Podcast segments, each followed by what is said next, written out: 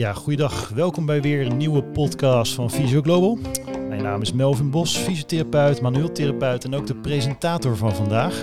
Het is alweer de 22e aflevering en deze gaat over Unraveling Frozen Shoulder. Het step closer to solve this mysterious disorder. Dit gaan we doen met een eh, hele bijzondere gastspreker. Dus uh, allereerst zou ik uh, hem de gelegenheid willen geven om zichzelf voor te stellen aan jullie als luisteraar.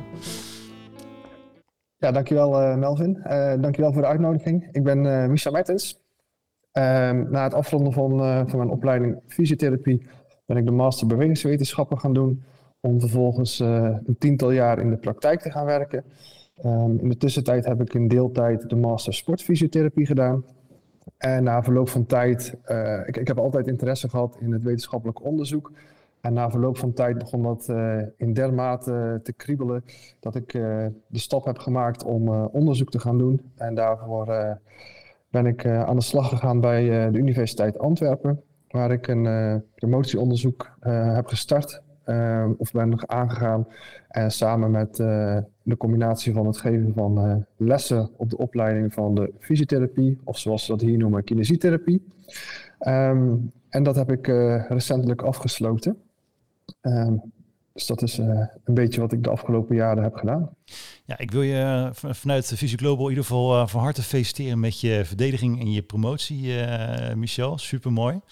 Uh, ja, goed, ik kan er natuurlijk zelf niet over meepraten. ik ben zelf maar een man therapeut. Maar ja, als ik zo alle interviews heb gedaan met verschillende PhD'ers, ja, ik, ik, ik hoor alleen maar dat het echt ontzettend veel werk en tijd vraagt. En ja, je moet er echt gewoon heel veel passie voor hebben, geduld en ook heel veel inzet uh, voor tonen. En uh, ik denk dat het heel belangrijk is uh, dat er weer iemand hè, binnen het, ja, de zware de delegatie van de fysiotherapie weer een PhD erbij is. En alleen maar belangrijk voor, voor onze positie binnen de zorg. Dus bij deze de felicitaties, Michel. Ja, dankjewel. En nou goed, je had natuurlijk je verdediging eerder recentelijk afgerond. vertel, hoe, hoe ging dat? Hoe waren je ervaringen ermee? Ja, het is natuurlijk gewoon een, een, een fantastisch moment om, uh, om, samen met familie, vrienden, collega's, om, uh, om daar het werk wat je de afgelopen, uh, in dit geval vijf jaar, vijf en een half jaar hebt, hebt gedaan, um, om dat dan te mogen presenteren. Um, en dan uiteraard ook voor, voor een kritische jury die nog een aantal leuke vragen daarbij stelt, prikkelende vragen ook. Um, dus, ja, dat is gewoon een, een heel bijzonder moment om dat, om dat een keer mee te maken. Zeker omdat je er zo lang aan gewerkt hebt uiteindelijk. Nou, dat is mooi om te horen. Um, even voor de luisteraars, qua beeldvorming willen we natuurlijk over je promotiestudie onder andere het uh, gaan hebben. Over de Frozen Shoulder. Uh, er zijn natuurlijk ook, uh, meestal bij een promotietraject, zijn natuurlijk verschillende publicaties ook in aanloop naar ter onderbouwing van het promotietraject. En nou goed, het lijkt me goed dat we ook gewoon één voor één ook die allemaal gewoon de revue laten passeren. Um, allereerst, Michel, ja, wat zijn je bewegingen om dit onderwerp te kiezen voor je promotie? Ja, wat zijn de beweegredenen voor, voor dit onderwerp? Um, in de praktijk als ik, uh, heb ik me eerst meer gespecialiseerd in, in de knie. Um, en later uh, ben ik daar mee, de schouder begonnen. En dat was eigenlijk wel een, een dermate interessant uh, gewricht. Um, ik dacht van ja, wat, wat, kunnen we hier nu mee? En, en de, de, de, klachten zijn toch ook wel behoorlijk complex. waaronder ook die van, van de frozen shoulder.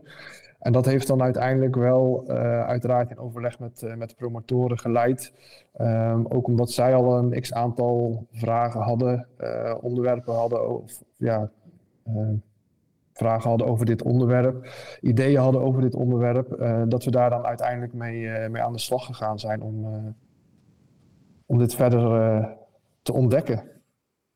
Nou, mooi. Um nou, er zijn natuurlijk uh, verschillende uh, dingen die. Ja, de frozen shoulder is gewoon heel complex. Ehm, een van mijn collega's die werkt er veelvuldig mee. Ik ondersteun haar her en der waar nodig is. Maar ja, het mag buiten kijf staan dat voor elke collega fysiotherapeut of gespecialiseerde fysiotherapeut dat dit echt wel een complex ehm, ja, aandoening is. er speelt natuurlijk van alles en nog wat bij de frozen shoulder. is natuurlijk ook heel veel over gedaan qua wetenschappelijk onderzoek. Maar ik denk uh, wat jij hebt gedaan, dat het echt wel een mooie verrijking kan zijn. En dan willen we in ieder geval deze aflevering daar de aandacht uh, voor hebben. Um, wat betreft de pathofysiologie, zou je kort eventjes uh, ja, als inleiding kunnen vertellen over bij de frozen shoulder? Ja, de pathofysiologie, het is eigenlijk een continuum van, van inflammatie uh, wat overgaat naar fibrose. Um, ja. Tijdens die inflammatie is er natuurlijk hoofdzakelijk uh, veel pijn die op de voorgrond staat. En uiteindelijk, wanneer die fibrose meer op de voorgrond gaat komen, dan, dan zien we veel meer die bewegingsbeperkingen uh, op, opdoemen. Um, en daarbij wordt dan de pijn uiteindelijk wat minder. Maar ja, die, die eerste fase waarbij die pijn zo intens kan zijn, zo heftig kan zijn, um, ja, dat, dat kan je haast niet voorstellen als je niet of geen schouderklachten hebt gehad en, en al helemaal geen, geen frozen shoulder. Uh, dus dat zijn wel, wel lastige zaken om, zeker ook in de praktijk, om daarmee mee aan de slag te gaan. Um, dus dat, dat, dat vraagt inderdaad veel aandacht. Um, en daarnaast zien we ja, meer in, in het onderliggende gedeelte dat uh, andere factoren een belangrijke rol zouden kunnen spelen. Uh, zoals bijvoorbeeld het autonome zenuwstelsel. Dat is misschien wat minder bekend dat dat een rol speelt. Uh, maar diabetes en thyroïdaandoeningen liggen wel wat meer voor de hand. Komt dat vaker voor bij vrouwen dan bij mannen. En dan met name ook in de leeftijd 40, 60, 45, 65 jaar zo'n beetje. Um, dus dat, dat is een beetje het, kenmerkende wat we, wat we terugzien bij de pathofysiologie. Ja, dat stukje inderdaad, hè, met de verhouding van eh, man-vrouw en de leeftijdsgroepen. Ja, ik denk dat die in ieder geval wel breed eh, bekend eh, kan zijn voor de therapeuten die hier regelmatig mee werken. wat natuurlijk wel interessant is, kan me voorstellen voor de collega's, is natuurlijk die metabole factoren. Ehm, nou goed, de fysiopraxis is ook bij mij op de deurmat gevallen. het is niet altijd dat ik alles doorblader, maar uiteraard jouw artikel wel. Dus, maar er kwam natuurlijk ook naar voren dat de, de, verhoogde voorafkans, hè, die natuurlijk aanzienlijk toeneemt eh, bijvoorbeeld bij de patiëntpopulatie met eh, diabetes, dus als een van de metabole factoren. Eh, wat, wat zijn de verklaringen dat, dat, dat, dat, dat, dat die groep van diabetes echt zodanig veel meer kans maakt op het creëren van een shoulder? Ja, dat heeft vermoedelijk. ja, er, kunnen meerdere verklaringen zijn. Laat ik daarmee beginnen. Um, een van de eerste verklaringen is een chronische laaggradige inflammatie die we bij meerdere metabole factoren eigenlijk terugzien. Okay. Uh, diabetes is er daar één van. Um, ook, ook bij wat cardiovasculaire aandoeningen zien we dat ook terug, die, uh, die laaggradige inflammatie. Ja. Ja. Dus dat zou een rol kunnen spelen in uh, in het ontwikkelen daarvan. Dat er al een bepaalde mate van inflammatie is. Okay. Dat er op een zeker moment een bepaalde trigger komt uh, aan de betreffende schouder. Waardoor dat eigenlijk zich verder gaat ontwikkelen en er uiteindelijk een frozen shoulder ontwikkelt. En dat kan gewoon een, een alledaags trauma zijn van het stoten van de schouder tegen een deurpost of, uh, of een val en het opvangen. Denk van oeh, ik heb even wat last van mijn schouder, verder niks bijzonders. Maar in de loop van de tijd dan, dan kan dat dan toch gaan ontwikkelen. Dus dat is één, uh, één onderdeel. En het andere onderdeel, met name bij de diabetes, is de hyperglycemie. Um, dus dan een, een uh, verhoogd insuline of een verhoogd suikergehalte, wat dan uiteindelijk weer ervoor kan zorgen. Um, dan heb je eigenlijk een ander intern milieu, waardoor advanced glycation end products uh, weer een rol gaan spelen. En door middel van verschillende processen leidt dat er dan uiteindelijk toe dat er niet alleen aan het einde van een bepaalde matrix crosslinks gaan ontstaan, maar dat die eigenlijk in die hele matrix gaan ontstaan. Dus ook in het hele bindweefsel kunnen aanvullende crosslinks gaan ontstaan, um, waardoor in dit geval het kapsel gaat verstijven, um, wat, uiteraard dan begint met, of vaak begint met het coracohumerale ligament, dan overgaat naar het kapsel. Um, ja, en, als die crosslinks overal gaan ontstaan, dan kan je je voorstellen dat daar een, een uh, vermindering van de bewegingsuitslag gaat, uh, gaat optreden uiteindelijk. Interessant. Ja, super interessant, uh, Michel, dat dat, dat dat soort dingen allemaal plaatsvinden. En ook, ook die crosslinks die je aangaf met die ligamentstructuren. Um, daarnaast ehm, zie je natuurlijk ook dat frozen shoulder, hè, dat het ook bij 14% ook bilateraal kan optreden. Wat, wat, zijn mogelijke verklaringen waarbij ja, dat, dat toch een deel van die populatie ook symmetrisch dit tegelijkertijd kan ontstaan? Ja, dat, dat zou kunnen.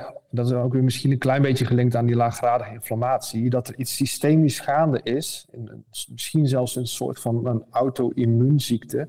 Um, waardoor het ook aan de andere zijde zou kunnen gaan optreden. Um, en dus die bilaterale optreedt. Um, dus dat, dat is een mogelijkheid.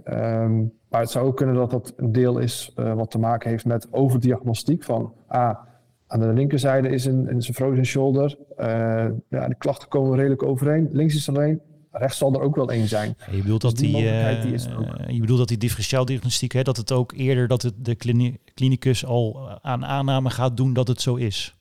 Ja, Omdat de ene kant is, oh dan is ik herken hetzelfde, dus dan is die andere kant ook zo. Ja, zonder dat daar dan wat, wat verder uh, dieper onderzoek naar wordt gedaan of wordt gekeken van is dat inderdaad zo? Waardoor ontstaat die bewegingsbeperking? Is dat inderdaad vanwege uh, een, een, eindgevoel wat, wat al vroeger optreedt? Of is dat eerder omdat de patiënt het niet toestaat bijvoorbeeld? Okay. Um, dat ze sneller overgaan van ah ja, oké, links is er één, rechts zal er ook wel één zijn. Interessant. Um, wat, zou je daarin adviseren voor, voor de praktijk? Is het dan belangrijk dat die standaardisatie van onderzoek doen voor die eerdere uh, herkenbare frozen van die andere kant, dat je dat op dezelfde manier ook gaat, meer gaat inzetten voor die, uh, die contralaterale zijde? Of? Ja, gewoon eigenlijk uh, de, de, de, bilaterale schouder, zeg maar, als het ware loszien van, van die eerste frozen shoulder. Van oké, als daar een frozen shoulder is, Ehm, het is ook zo dat die andere schouder dan zeer waarschijnlijk meer belast gaat worden. Dus er is ook gewoon kans dat er eh, ja, een simpelere uh, subacromiale schouderpijn uh, kan ontstaan. De compensatiemechanisme um, voor, uh, voor de frozen shoulder homolateraal. Ja, dus, dus, het is, het is, en uiteraard wat dan ook weer het gevolg is, om het nog verder complex te maken als het al was, vanuit de subacromiale schouderpijn kan uiteindelijk weer wel die frozen shoulder ontstaan. Ja, zeker. Dus ja, het belangrijkste is gewoon zorgen dat je blijft klinisch redeneren, je onderzoek uh, consequent blijft uitvoeren, uh, de frozen shoulder richtlijn blijft gebruiken. Um, tuurlijk, als er een frozen shoulder aan één zijde is, dan is er een kans dat er aan die andere zijde ook een frozen shoulder gaat ontstaan, gelijktijdig of later. Maar zorg wel dat je gewoon echt die richtlijn blijft volgen. En dat je blijft kijken en kritisch kijken ook van... is dit inderdaad de kenmerken van een frozen shoulder... of past dit ergens anders bij? Ja, je bedoelt de richtlijn van 2017, hè? Ja, ja klopt. Ja. Oké. Ehm, ja, helder verhaal in ieder geval tot, tot, tot zover. Um, zou je dan ook bijvoorbeeld, ik zie een gek idee hoor, ook nu hebben. Zou je dan misschien een collega moeten inschakelen voor die andere schouder? Zonder de informatie van de, van de schouder die, ja. al, die je al gediagnosticeerd hebt. Um, ik, ik, ja, ik weet niet of dat, dat de oplossing zal zijn. Want uiteindelijk, als die collega uh, de anamnese correct uitvoert, dan komt hij dan vrij snel achter dat er aan de andere precies, zijde ook een frozen shoulder is. Dus of dat dat de oplossing gaat zijn, dat is discutabel, denk ik. Oké, ehm, nou dan gaan we hier zo verder door naar het uh, volgende. Uh, zoals het natuurlijk voor iedereen ook bekend is, hè, dus de of motion natuurlijk ook een belangrijk element voor de diagnostiek. waarbij natuurlijk die extra rotatie natuurlijk ehm, ja, meer dan de helft beperkt kan zijn voor, in vergelijking met de andere kant. Dan wel twee, twee richtingscomponenten die een kwart verschil hebben. Um, zijn daar nog ontwikkelingen in wat betreft die range of motion onderzoek binnen het kader van Froschel? Diagnostiek? Nee, eigenlijk niet. Ehm, ook daar zou ik zeggen, volg gewoon de, richtlijn. Precies. Um, want er zijn ook wel andere diagnostische criteria dat dat alle bewegingsrichtingen beperkt moeten zijn. Of, uh, dus daar is ook niet, er is geen gouden standaard. Dus dat maakt het uh, lastig. Um, ja. Dus ik zou zeggen van probeer zoveel mogelijk die richtlijn te volgen. Die hebben heel veel literatuur hebben die al uitgezocht. Die hebben gekeken van ja, wat past het beste? Hoe kunnen we dan die frozen shoulder dan uiteindelijk gaan diagnosticeren? Um, en zoals de richtlijn ook zegt, uh, je kan dan de frozen shoulder pas vanaf het moment diagnosticeren dat die bewegingsbeperking optreedt. Dus je kan ook met terugwerkende kracht nog eventueel een, een verwijzing aanvragen of, of terug uh, ja, hercoderen, zal ik maar zeggen. Uh, dat je toch vanaf een eerder moment al de behandeling start voor, voor de frozen shoulder. Ja. Um, er zijn ook geen middelen beschikbaar die voor het intreden van de bewegingsbeperking, de frozen shoulder, al ja, echt kunnen diagnosticeren. Oké. In ieder geval klinisch niet. Oké. Ehm, nou, er zijn natuurlijk al eerst, zoals eerder aangegeven, zijn er verschillende publicaties al gedaan ter onderbouwing van je promotietraject. Die je natuurlijk met de promotoren Mira Meus hebt gedaan. Professor Dr. Mira Meus en ook professor Dr. Philip Struif. Ja. Uh, zijn natuurlijk bekende namen voor de mensen binnen de schouderrevalidatie. Um, het lijkt me goed om die publicaties eventjes één voor één langs te lopen en kijken van wat daar uh, uitkwam. Ook voor de luisteraars die daar niet van op de hoogte zijn. Uh, ik wil dat vooral doen in de chronologische volgorde van de publicaties. Zodat dat in ieder geval duidelijk is. Dus het kan zijn dat we eerder op de therapie zitten en dan soms weer op de diagnostiek. Maar het gaat even om de chronologische volgorde van de publicaties. een van de publicaties die er was, Michel, was natuurlijk de exercise therapy is effective for improvement in range of motion, function and pain in patients with frozen shoulder, a systematic review en een meta-analysis. Um, dat was natuurlijk ook een uh, publicatie die je hebt gedaan. Um, wat zijn daarin uh, de resultaten die naar voren kwamen? En uh, wat is in ieder geval belangrijk om mee te nemen? Ja, de resultaten die naar voren kwamen is dat we ehm, met oefentherapie altijd een vooruitgang zien binnen de range of motion, binnen de functies en de pijn. Wat we ook meer algemeen zien, maar dat is iets meer gericht op, op het wetenschappelijk onderzoek, is dat er heel veel diversiteit is, heel veel heterogeniteit in de onderzoeken die gedaan zijn, um, in de diagnostische criteria die gebruikt zijn, in de fases die, die benoemd worden van, van de frozen shoulder. Um, dus dat maakt uiteindelijk het bepalen van de effecten wel wat lastiger. Um, over het algemeen zien we gewoon dat er een verbetering te behalen is met oefentherapie. dat kan zowel uh, gesuperviseerd in een groep als, uh, als thuisoefeningen zonder enige aanvullende andere behandelingen. En dan zien we wel dat de gesuperviseerde oefentherapie in de groep dat dat iets effectiever is dan uh, de thuisoefeningen. Um, aanvullend andere ehm, behandelinterventies toepassen kunnen ook gedaan worden. Dus in combinatie met een, oefen, met een ander behandelprogramma, dan zien we ook dat uh, toevoegen van oefeningen, dat dat ook zeker zinvol kan zijn. En wat wordt hiermee uh, bedoeld met het toevoegen van andere behandelprogramma's?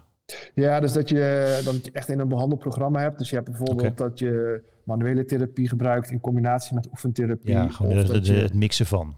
Ja, um, of, of, ja, soms een heel rijtje van, van, uh, van interventies die bij elkaar worden gecombineerd. Ja. En als daar dan oefentherapie wordt toegevoegd, uh, in vergelijking met een programma zonder oefentherapie bijvoorbeeld, ja. dan zien we wel dat de programma's met oefentherapie, dat die nuttiger zijn uh, voor, voor een aantal variabelen dan, dan de niet, uh, dan de programma's zonder de oefentherapie.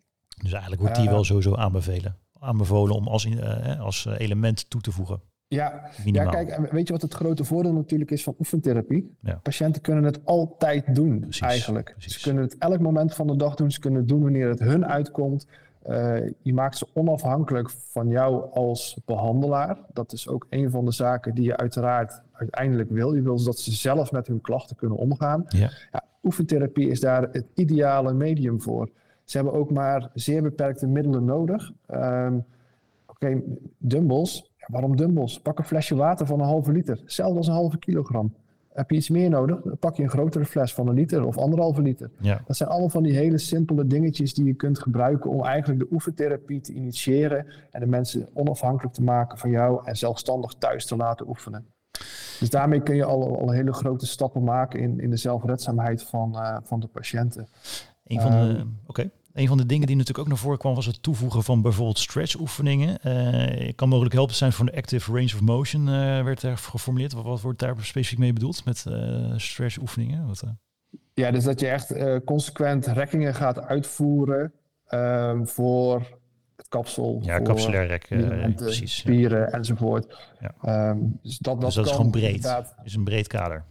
Ja, dat is een breed kader inderdaad. Okay, okay. Um, en daarna aanvullend, dan zien we eigenlijk dat het toevoegen van fysische middelen, dat dat eigenlijk geen effect heeft op een van, van, van die variabelen van de range of motion, functie en pijn. Um, dus dat, ja, uh, met die fysische middelen, je, je, maakt de patiënten passief, je maakt ze meer afhankelijk van jou. Uh, en fysische middelen bedoel je hands-on? Uh... Ja. Ja, ja. Ja, dus dan heb je bijvoorbeeld over tens of, of het toevoegen van warmte of uh, precies, dat, precies. dat soort dingen. Uh, lasertherapie werd ook genoemd volgens mij. Dat soort elementen. Ja, dat blijkt gewoon geen toegevoegde waarde te hebben aan een programma waar bijvoorbeeld al manuele therapie in zit met oefeningen. om dan nog fysische therapie in de engere zin toe te passen, dat heeft geen meerwaarde.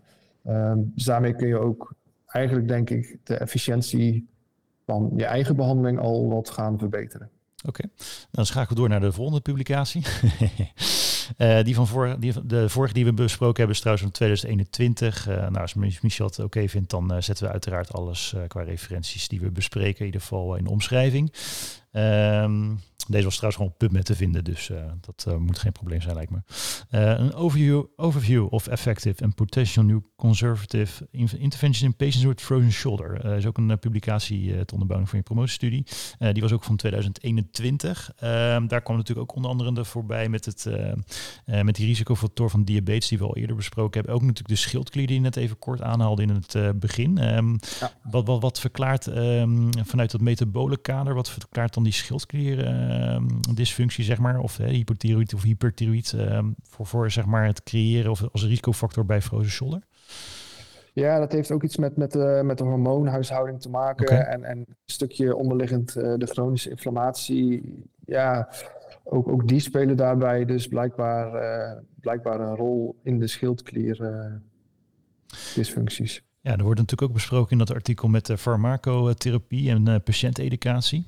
Uh, Zijn dat, uh, ja, zou je daar nog wat dingen aan toe willen voegen, wat, wat, belangrijk is? En spiegeltherapie kwam natuurlijk ook naar voren, ook in de fysiopraxis trouwens. ja. dat is ook heel interessant. Uh, ja, ik kan me voorstellen dat niet iedereen dit soort interventies standaard implementeert bij de frozen shoulder. hoe liggen die verhoudingen voor dit soort interventies binnen deze ja, patiëntengroep?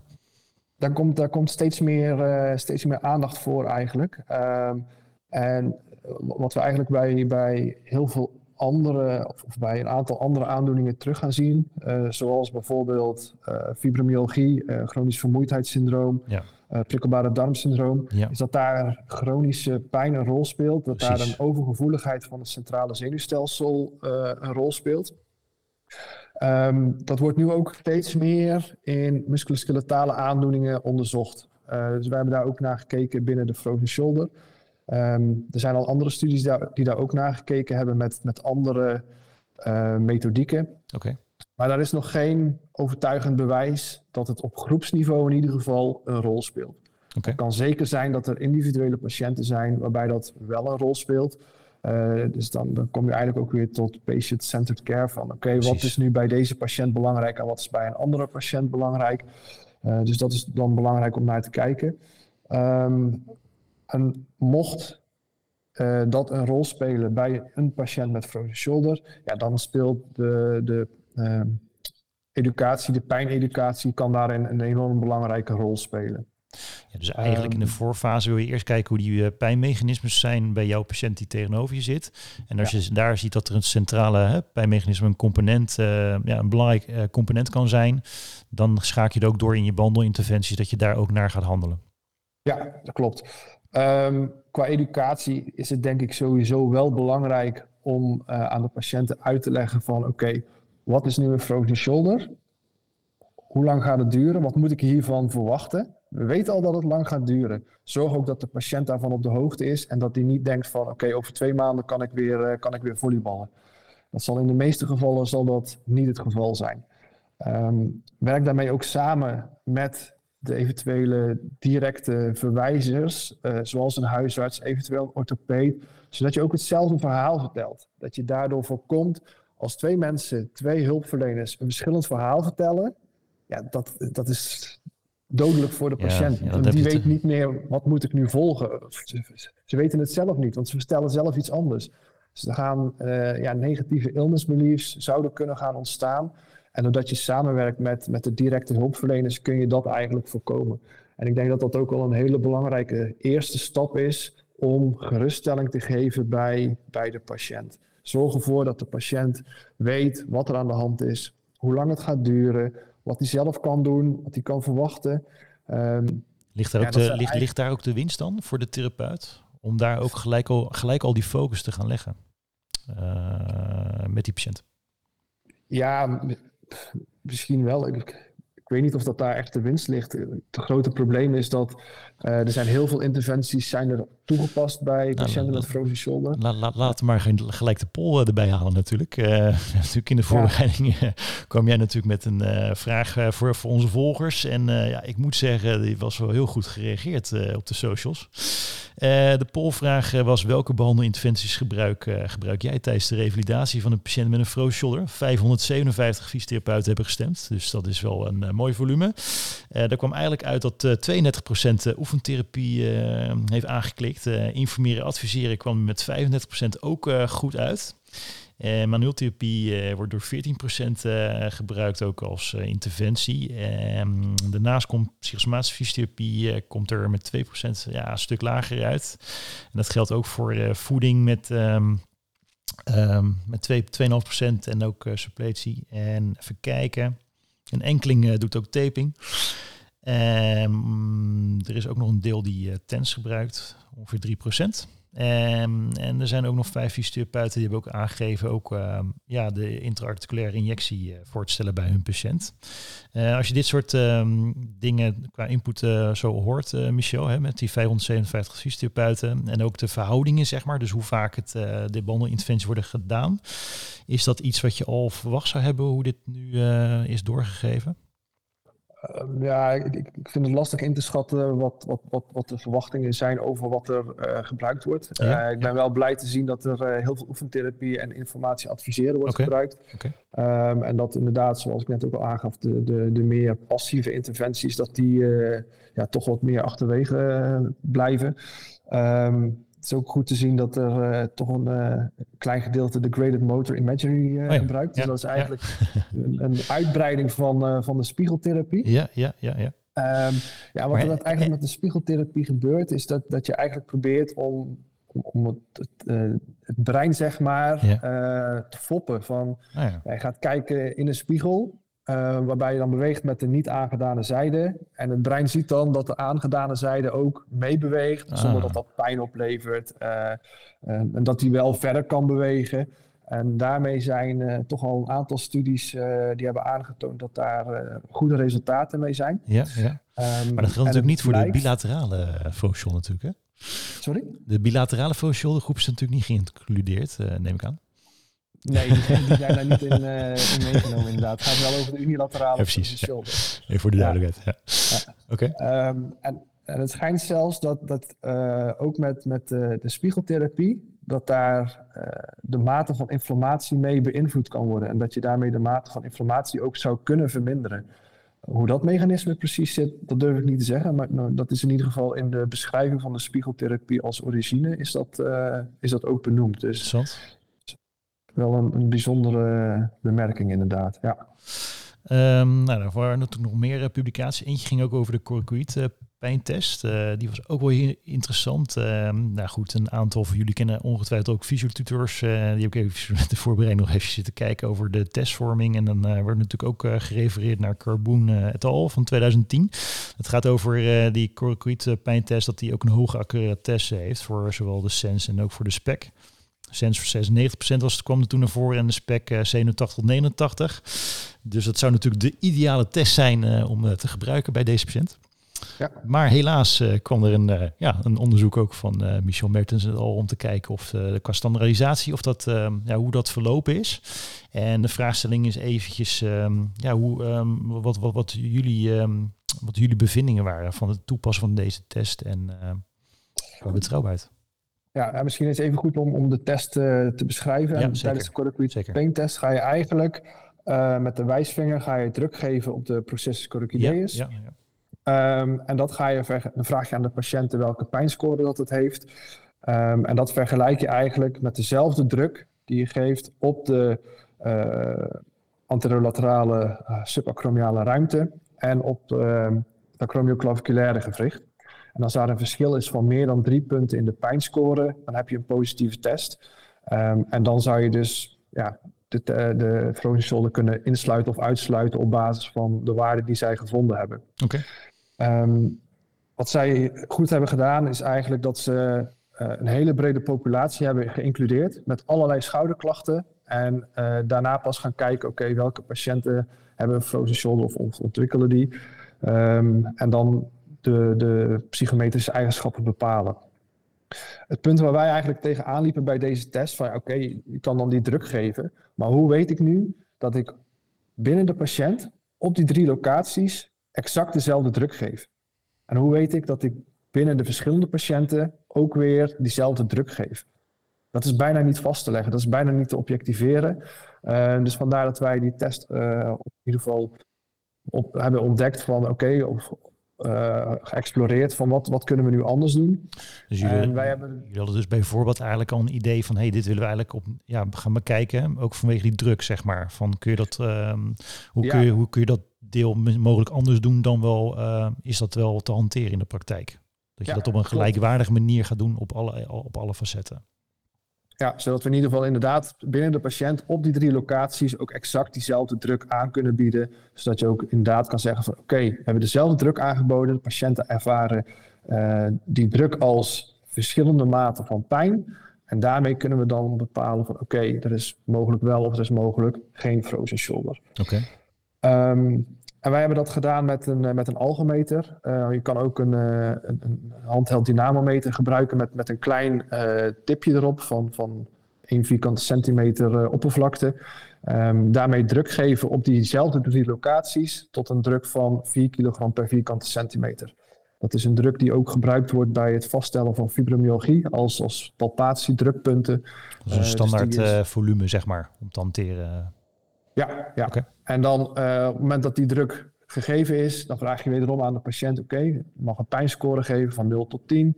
Uh, hoe hoog is die? En die vergelijk je ook weer met die drie locaties.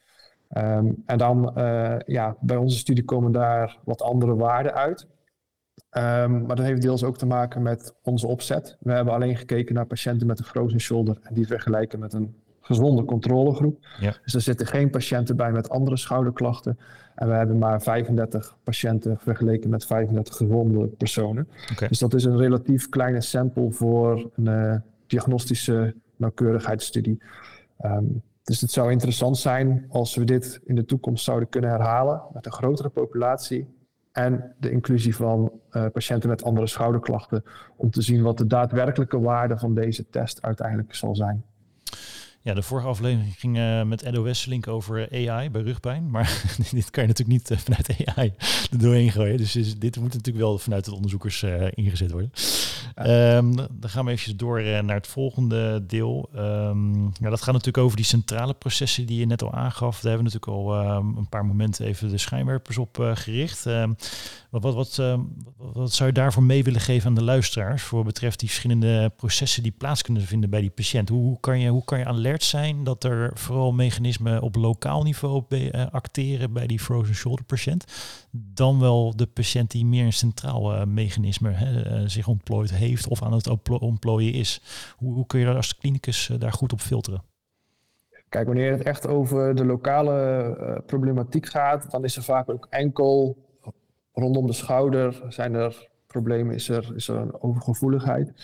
Um, wanneer meer centrale processen een rol gaan spelen, dan wordt de, pijngebied wordt vaak uitgebreid. Dus ze gaan niet alleen maar rondom de schouder, de bovenarm de pijn ervaren, maar de pijn kan ook aan de andere schouder zitten. Uh, de pijn kan op het bovenbeen plaatsvinden of de, de pijngevoeligheid die kan daar zijn toegenomen. Uh, dus patiënten geven dan vaak meer een, een uitgebreid gebied van, van pijn aan. Um, dus dat, dat is iets waar, waar je op uh, naar zou kunnen vragen. Um, ook het optreden van, van pijn of een, een, uitgebreide pijn in het verleden, dat, dat kan, uh, kan een aanwijzing zijn, of dat je in ieder geval alert moet zijn dat het mogelijk gaat ontwikkelen in de toekomst. Um, ja, dat zijn denk ik wel de, de, de belangrijkste zaken vanuit, wat in ieder geval die in de praktijk bruikbaar zijn. Er zijn nog een aantal andere metingen die daar ook uh, vanuit het onderzoek wel bij gebruikt kunnen worden. Maar voor toepassing in de kliniek is daar nog zeer weinig van, uh, van bekend. Dus dat is ja, lastig om die mee te nemen daarin.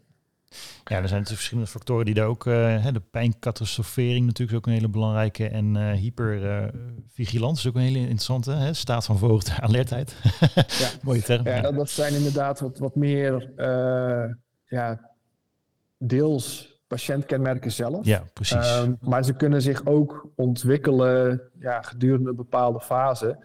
Uh, ik kan me voorstellen als je die heftige pijn hebt, zoals die kan optreden bij een frozen shoulder, dat je wel eens een keer extra denkt van, oeh, is die er nog? Gaat die ooit wel een keer weg? Kom ik er überhaupt wel van af? Dat je meer gaat uh, catastroferen of dat je er ja. toch wat alerter op blijft van, zo, hij is nou al twee weken aanwezig. En het, lijkt alleen maar erger te worden. En sommige thema's en onderzoeken en ook sprekers of onderzoekers die ik gesproken heb, er komt ook wel eens naar voren dat het dat aan zich natuurlijk hè, die wisselwerking ook weer uh, uh, nadelig kan uitpakken, een soort van katalyserend effect.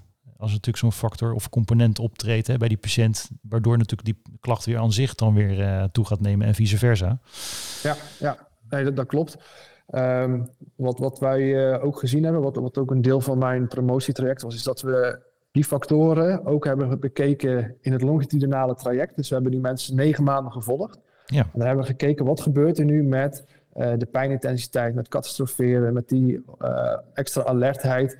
Uh, blijft die gelijk of, of, verandert die in de tijd? En zijn die in de tijd verbonden aan andere factoren? Ja. En wat we dan zien is dat het catastroferen en, en die extra alertheid, die verbeteren eigenlijk op de korte termijn de pijnintensiteit die verbetert op de korte termijn. Uh, en die zijn eigenlijk ook uh, weliswaar zwak tot matig, of, uh, ja, zwak tot matig aan elkaar gecorreleerd. dus er zit een bepaald verband in. Alleen we weten niet hoe dat verband zit, want we hebben geen interventie toegepast. de patiënten hebben wel een interventie gekregen, maar we hebben te weinig informatie in, ons, in onze files om te kijken van oké, de patiënten die een bepaalde behandeling hebben gehad, uh, die inspeelt op bijvoorbeeld het catastroferen of juist op de pijn, um, is dan inderdaad die relatie, die richting ook bepalend. Dus dat, dat weten we niet. Maar we weten wel dat ze verbonden zijn. Dus als ofwel de pijnintensiteit afneemt, ofwel het catastroferen neemt af, dan verandert die andere ook mee, dan verbetert die ook.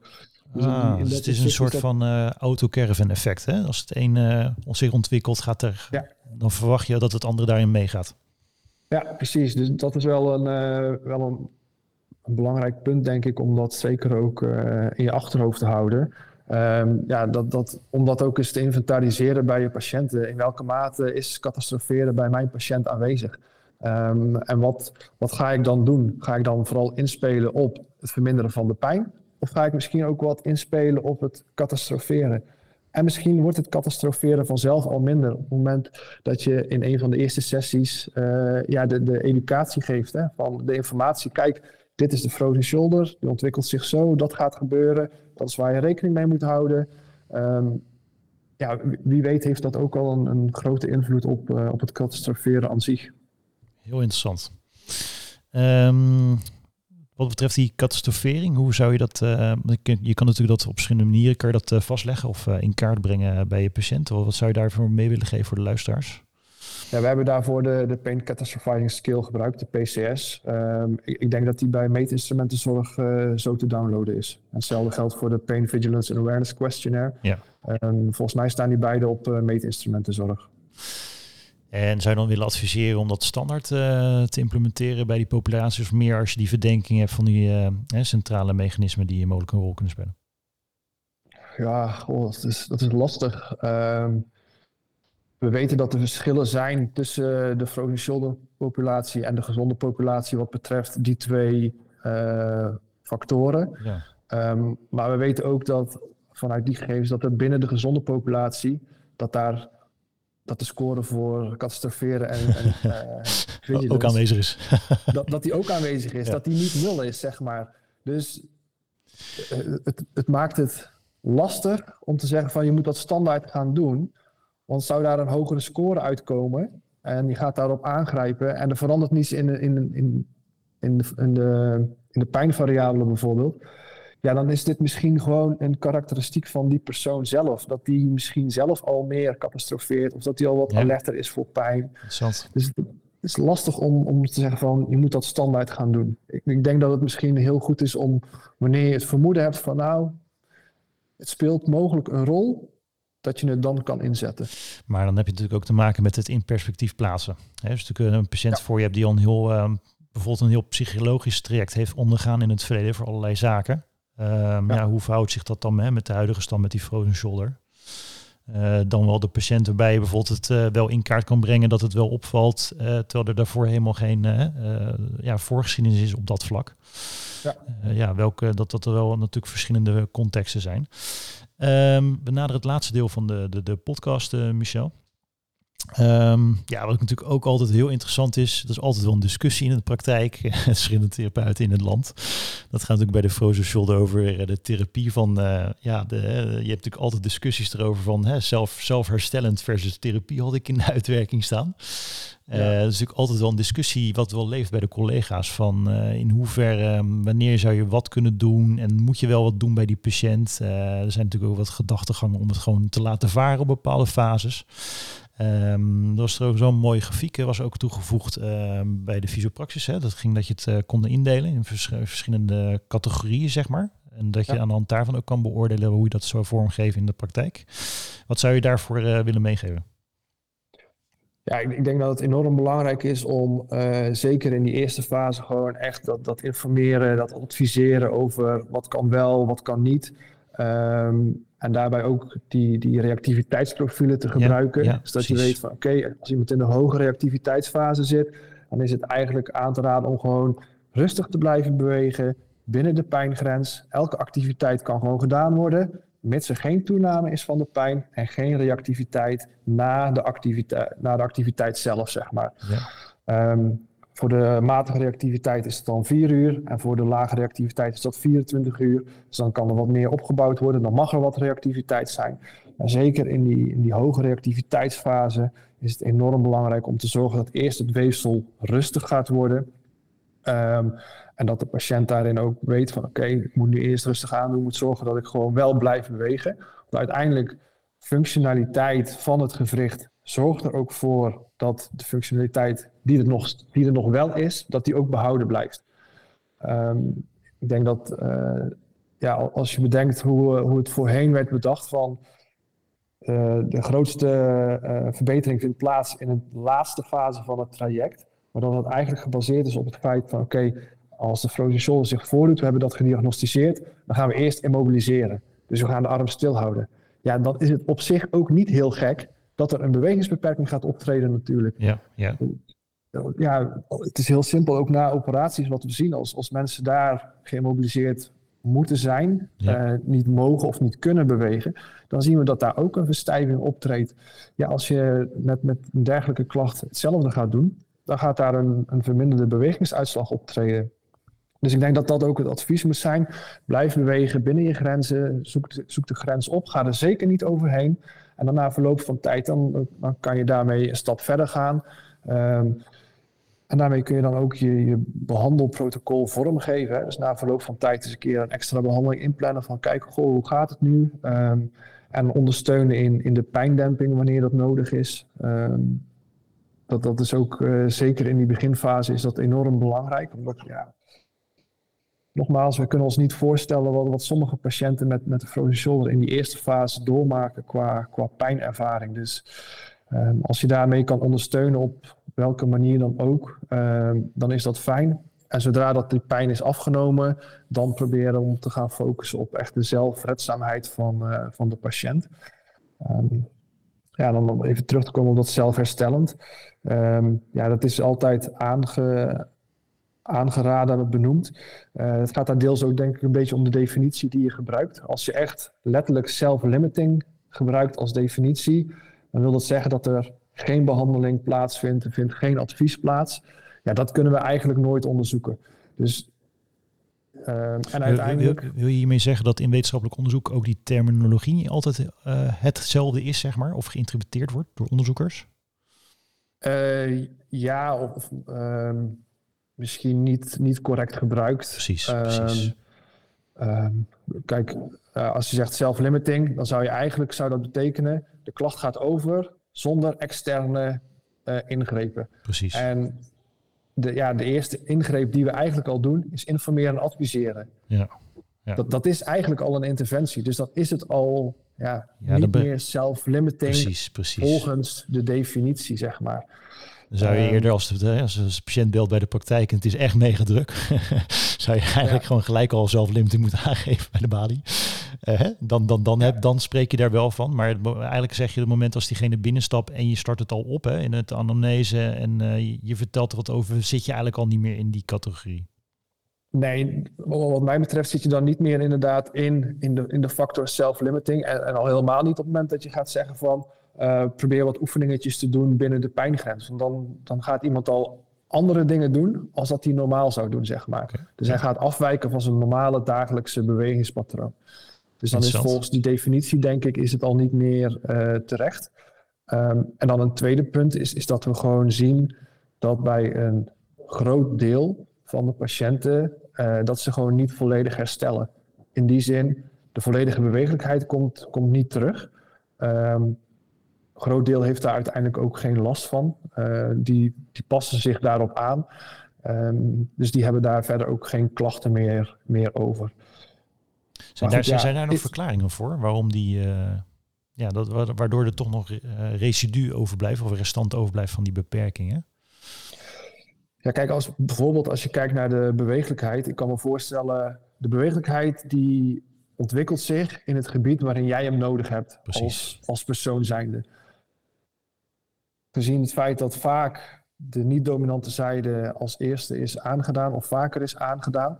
Dat is toch de zijde die we ook minder veel gebruiken. Ja, ja. Um, dus qua volledige bewegingsuitslag naar het heffen of naar het naar buiten draaien, ja, die zal dan ook mogelijk minder uh, doorontwikkelen tot aan het einde van, van wat het daarvoor was. Ja, dus je zou ook nog de vraag kunnen stellen, hè, was het bijvoorbeeld al, was er al een asymmetrie mogelijk, hè? is aannemelijk. Mogelijk, ja. Dat er al mogelijk dat is ook zelfs, zelfs ook dat is mogelijk Precies. inderdaad. Dus um, het, het, is moeilijk om, om, ja, om, om, alles daarmee uit elkaar te trekken en, uh, de, de, echte oorzaak te bepalen. Um, maar goed, ja, we weten dat er dus een deel niet volledig herstelt. En een klein deel heeft ook zelfs ernstige klachten. En dat is natuurlijk wel een ander uh, verhaal. En dan, dan, praten we op 1 op de 20 patiënten met de frozen shoulder die na zeven jaar nog ernstige klachten heeft. Zo. En dat zijn wel de mensen die, die we ja, moeten proberen, zeker moeten we proberen te helpen. Uiteraard die anderen ook. Alleen ja, ik bedoel, kan je je voorstellen dat je zeven jaar met, met ernstige pijn leeft. leeft. Ja. Of dat je met een beperking van, van, je, van je schouder leeft. Ja, dat is echt, uh, dat is echt een interessant uh, onder, uh, onderwerp, Michel. We kunnen daar uren over praten volgens mij. Maar dit is ook een extended edition op dit moment. Maar dat maakt niet uit, het is heel interessant. Um, ik, had, ik had ook nog een binnengekomen bericht ook van een fysiotherapeut uit het land, van Boudewijn Boers. Um, en ik denk dat dat een mooi uh, laatste gedeelte is voor deze podcast. Het gaat nog even over de interventie die ik natuurlijk kan inzetten hè, vanuit de stakeholders, dus vanuit de, ja. uh, vanuit de specialist, et cetera.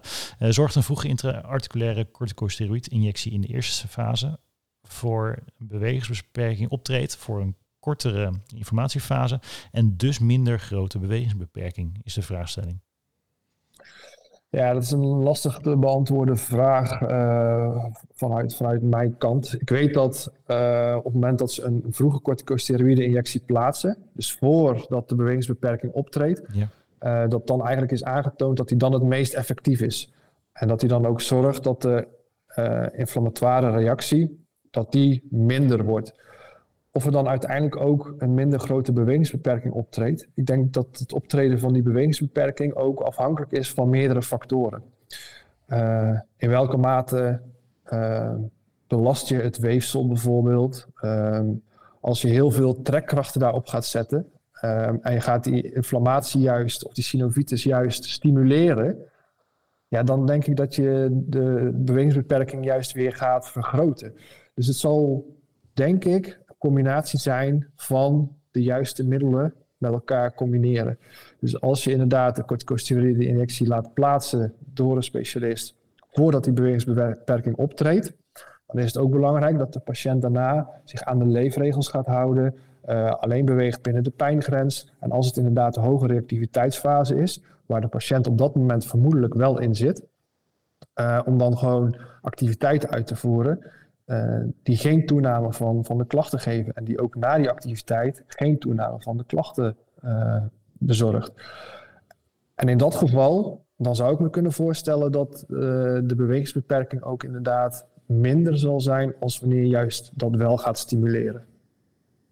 Nou, mooi. Ehm, nou, ik denk dat we echt wel best wel wat uh, hebben kunnen bespreken tot zover, uh, Michel. Ehm, zou je aan de luisteraars nog wat uh, mee willen geven over dit thema? een soort take-home message, zeg maar. Ja, ik zou toch willen adviseren om echt boven, ja, buiten de schouder om te gaan kijken. Dus echt naar de volledige, volledige persoon. Um, we hebben daar natuurlijk al een aantal zaken van, van benoemd, uh, onder andere diabetes, uh, de, psychologische factoren, catastroferen, uh, meer alertheid, maar ook het autonome zenuwstelsel, wat, wat een rol kan spelen, is een belangrijke. dus die zou ik ook zeker meenemen. En we zien ook dat gewoon andere psychologische factoren, zoals angst en depressie, dat die ook een rol spelen. En dat is met name in andere studies is dat, dat aangetoond. Um, dus dat zijn ook zeker wel dingen die, uh, die ik denk dat enorm belangrijk zijn om, om dat mee te nemen. Uh, zodat je daarmee de patiënt ook ja, misschien kan geruststellen of, of kan adviseren van oké, dat speelt een rol, uh, dat is bij u aanwezig. Het is mogelijk dat het herstel daardoor ook langer kan duren. Ehm, ja, een beetje in dat soort kaders. Nou, mooi, mooi om in ieder geval mee te geven. Zijn er nog dingen die je nog als laatste nog zou willen aanvullen dat je zegt van uh, die vind ik nog even belangrijk om te vermelden? Nee, op dit moment niet direct, denk ik. Zoals je zelf al zei, ik denk dat we uren over dit onderwerp kunnen praten en kunnen brainstormen. Zeker. Uh, um, alle, alle, discussiepunten zijn, zijn altijd welkom, wat mij betreft. Okay. kunnen therapeuten ehm, die ook vragen hebben, of zou ze, kunnen ze ook ergens bereiken? Ja, ik ben gewoon bereikbaar via, via LinkedIn of eventueel gewoon via het mailadres van, van de universiteit. Oké. Okay. Um, dan zetten wij die ook uh, in de omschrijving van uh, deze podcast. Nou, ik wil je in ieder geval uh, bij deze van harte bedanken, Michel, voor, voor je tijd. Ja, echt super, super, super interessant onderwerp ook. Ook dat je hierop gepromoveerd bent. En ja, als ik dit zo hoor, ja, er is dus nog zoveel. Um, in ieder geval ook mooi wat je in kaart hebt gebracht. En wat, wat, waar we mee aan de slag kunnen in de praktijk. Maar er is ook zoveel uh, ja, stappen te maken om ook uh, die patiënt met die frozen shoulder uh, nog beter te kunnen helpen. Ja, zeker dus ik, zou, ja, ik, zou, ik hoop echt dat je daarin doorgaat om, om, nog meer in kaart te brengen. En, Als er ergens wat financiering beschikbaar komt, dan, dan is dat ja, dan is, dan is dat wel mogelijk. Ja, zeker. In ieder geval bedankt Michel voor je bijdrage. In ieder geval, ja, het is echt, echt wel goed. En ik wil ook eventjes alle luisteraars bedanken voor, voor, voor, je, ja, voor het luisteren van deze aflevering. Heb je nog vragen of ideeën? Zet ze op de chat op, op, op onze socials. Wil je meer weten? Bezoek dan onze website op www.visioglobal.nl of stuur ons een e-mail naar info.visioglobal.nl. wil je nog meer weten over andere onderwerpen? ja, bekijk dat ook op de website. Daar is nog veel meer te vinden over webinars, podcasts en ook congressen die we tegenwoordig ook nog ondersteunen. Dus kijk op je gemak eventjes rond op de website. En heb je nog vragen rechtstreeks naar Michel, dan check dan even de omschrijving. Bedankt in ieder geval voor het luisteren en voor het volgen van deze aflevering. En tot de volgende. Maar hier?